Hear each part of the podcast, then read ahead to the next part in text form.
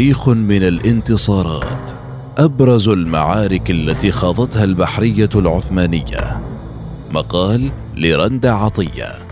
ضمن ملف أمراء البحار. خاضت البحرية العثمانية على مدار أكثر من أربعة قرون عشرات المعارك. كأن النصر حليفها في معظمها فيما خسرت بعضها. لكنها حتى في الخسارة لم تفقد تأثيرها الإقليمي لتستعيد توازنها سريعا وتعاود الانخراط في ساحة المواجهات حماية لترابها وتوسعة لدائرة فتوحاتها الإسلامية. نستعرض في هذا التقرير أبرز المعارك التي شهدها الاسطول الحربي العثماني وتأثير نتائجها على خريطة العالم الجيوسياسية في وقت حشدت فيه أوروبا بأكملها كل طاقاتها وقدراتها من أجل التصدي للهيمنة العثمانية على البحر المتوسط الذي ظل تحت إمرة العثمانيين وبحريتهم لعقود طويلة. فتح القسطنطينية. كان الأصول العثماني كلمة الفصل وعامل تغليب الكفة الأرجح خلال فتح القسطنطينية منتصف القرن الخامس عشر. سنة 1453 للميلاد إذ أيقن السلطان محمد الفاتح بعد سنوات طويلة من الخبرة أن هذا الفتح لن يكون إلا بجيش جرار من السفن والمؤن البحرية. وعليه طور الفاتح الأسطول البحرية للإمبراطورية العثمانية حتى بات الأكبر والأقوى في العالم في هذا الوقت ليصل حجمه عند حصار القسطنطينية إلى أكثر من 350 سفينة بجانب عشرات القوارب الصغيرة. وهذا ما كان له أبلغ الأثر في الدخول إلى المدينة بعد سنوات طويلة من المحاولات دون أي تقدم يذكر. جاء هذا الفتح ليعلن مرحلة جديدة من نفوذ العثمانيين وينهي المحاولات المستميتة لضم هذه المدينة لدولة الخلافة الإسلامية بدءا من أوائل العهد الأموي خلال ولاية معاوية بن أبي سفيان. مرورا بالعهد العباسي وصولا إلى العهد العثماني الذي كتب الفصل الأخير من مسلسل أسلمة القسطنطينية. الدور الذي أداه الأسطول البحري في حسم تلك المعركة كان حديث أوروبا كلها التي اعتبرت أن سقوط تلك المدينة بعد 1500 عام من المحاولات بمثابة نهاية الإمبراطورية البيزنطية بشكل رسمي. هذا بجانب ما شكله هذا الفتح من ضربة موجعة للعالم المسيحي ولدولة البابوية الكاثوليكية في أوروبا. معركة زونكيو لدى معركة زونكيو التي وقعت في أغسطس آب 1499 خصوصية مختلفة نسبيا عن بقية المعارك فبجانب أنها إحدى المواجهات الساخنة خلال الحرب البندقية العثمانية التي امتدت من 1499 إلى 1503 فهي أول معركة بحرية استخدم فيها الأسطول البحري المسلم المدافع على السفن. الأسطول العثماني بقيادة الربان الفذ كمال ريس استطاع خلال الأيام الأربع التي شهدتها تلك المعركة تغيير معايير القوى في الأسطول البحري للجيوش. مع الوضع في الاعتبار حجم القوة التي كانت تتمتع بها البحرية البندقية التي كانت في هذا الوقت أحد معالم البحرية في العالم. أثارت الفتوحات الإسلامية على أيدي العثمانيين في البحر المتوسط وأوروبا غضب البندقيين الذين قلقوا من سحب بساط الريادة البحرية من تحت أقدامهم ما دفعهم للتحرش بالاسطول البحري العثماني بين الحين والآخر الأمر الذي كان اذانا بالاصطدام بين القوتين. في بداية 1499 استولت سفن البنادقة على العديد من الجزر الخاضعة للسيطرة العثمانية كما احرقوا بعض السفن العثمانية بها. ولما وصلت تلك الأخبار إلى الأستانة كان الرد فوريا وحاسما حيث أمر السلطان بايزيد الثاني بإرسال اسطول بحري عظيم مزود بالمدافع لأول مرة منذ نشأته. وبالتوازي مع اسطول ياريس كان الصدر الأعظم داود باشا قد جهز هو الآخر اسطولا جديدا.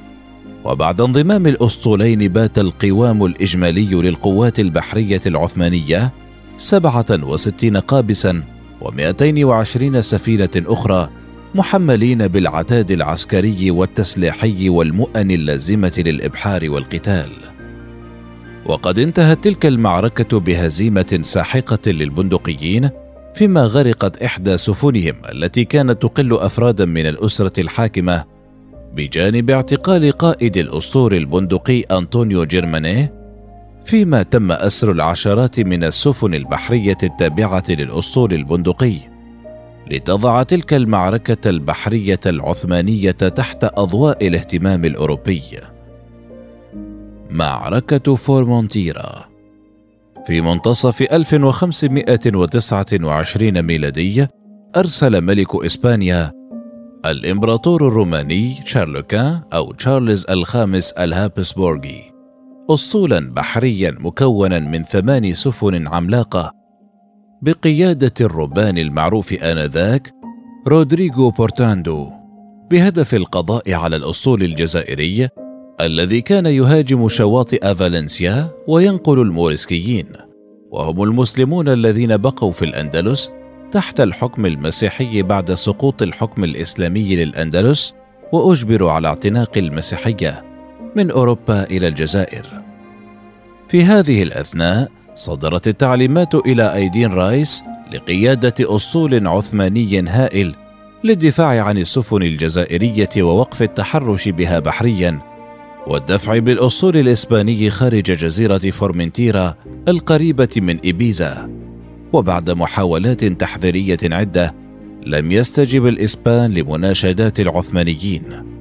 وفي الثامن والعشرين من أكتوبر تشرين الأول من نفس العام اندلعت المعركة بين القوتين العثمانية والإسبانية وسميت بمعركة البريار التي حقق فيها العثمانيون انتصارا ساحقا على الأسطول الإسباني الذي قتل قائده في المواجهات فيما اغتنم جيش العثمانيين سبع سفن من الثمانية التي شاركت في المعركة وأسر بعض الجنود الإسبان وتم نقلهم إلى الجزائر.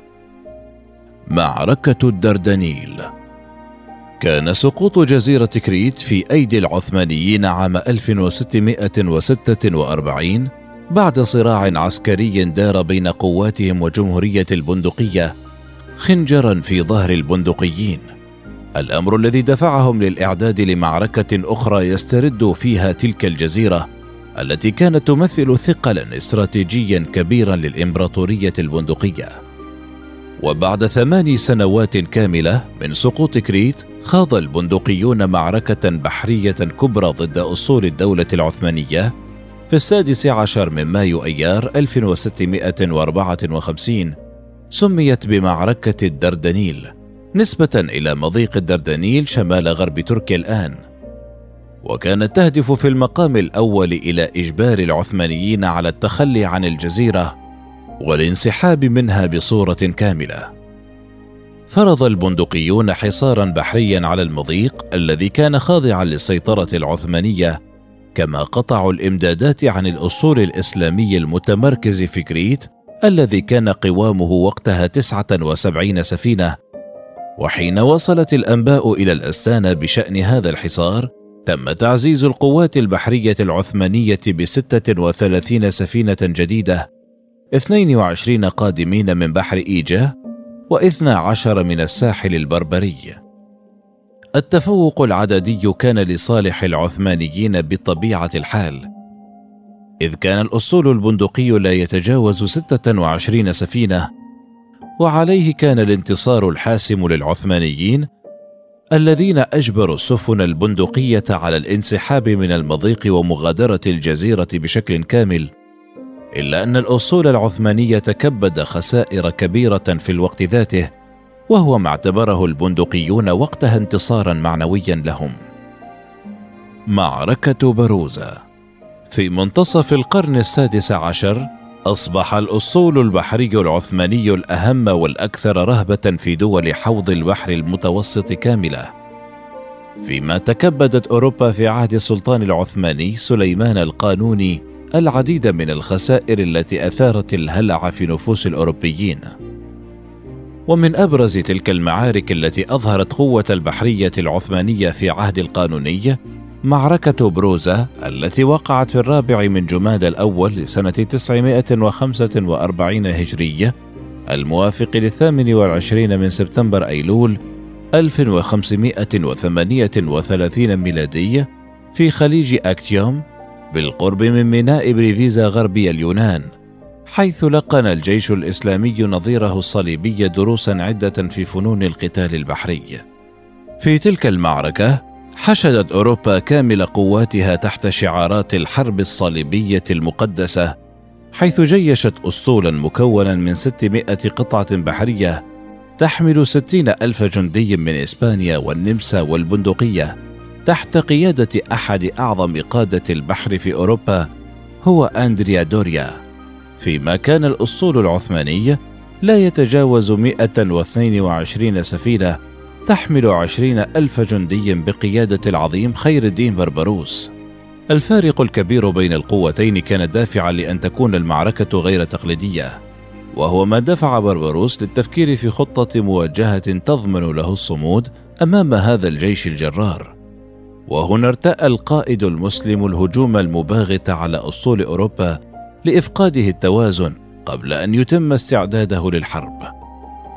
وبالفعل أوقعت الصدمة الهول في نفوس الأوروبيين حيث تفرقت السفن يمينا ويسارا فيما هرب القائد دوريا من ميدان المعركة التي لم تستغرق أكثر من خمس ساعات فقط دمر العثمانيون فيها ثلاثة عشر سفينة أوروبية وألحقوا الخسائر بمئة وعشرة أخرى ليحقق المسلمون انتصارا غير متوقع ما كان له صداه الكبير في العواصم الأوروبية. معركة جربة.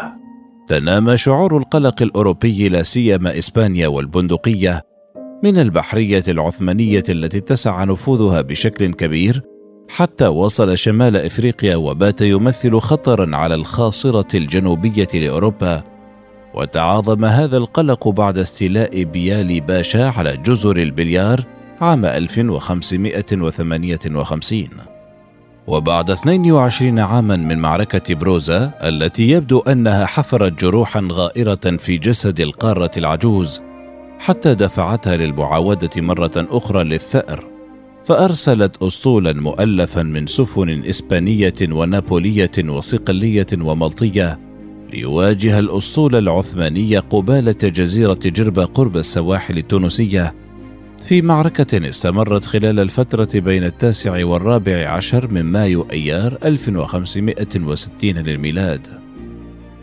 استطاع أسطول الدولة العثمانية بقيادة بيالي باشا ودوركوث باشا حسم المعركة في غضون ساعات معدودة، إذ أغرق نصف السفن الأوروبية تقريبا، في حين تباينت الروايات بشأن الخسائر البشرية ففريق ذهب إلى أن العدد الإجمالي للقتلى بلغ 180 ألف مجند في حين أشار آخر إلى 90 ألف فقط. معركة ليبانتو. كان الانتصار في معركتي بروزا وجربا ذروة الهيمنة البحرية العثمانية في البحر الأبيض المتوسط حتى أصبح الوجود العثماني خانقا لكل ممالك أوروبا الأمر تعاظم أكثر مع تنصيب السلطان سليم الثاني ابن السلطان القانوني في عام 1566 الذي باتت فتوحاته تهدد بشكل كبير المعاقل المسيحية الأوروبية.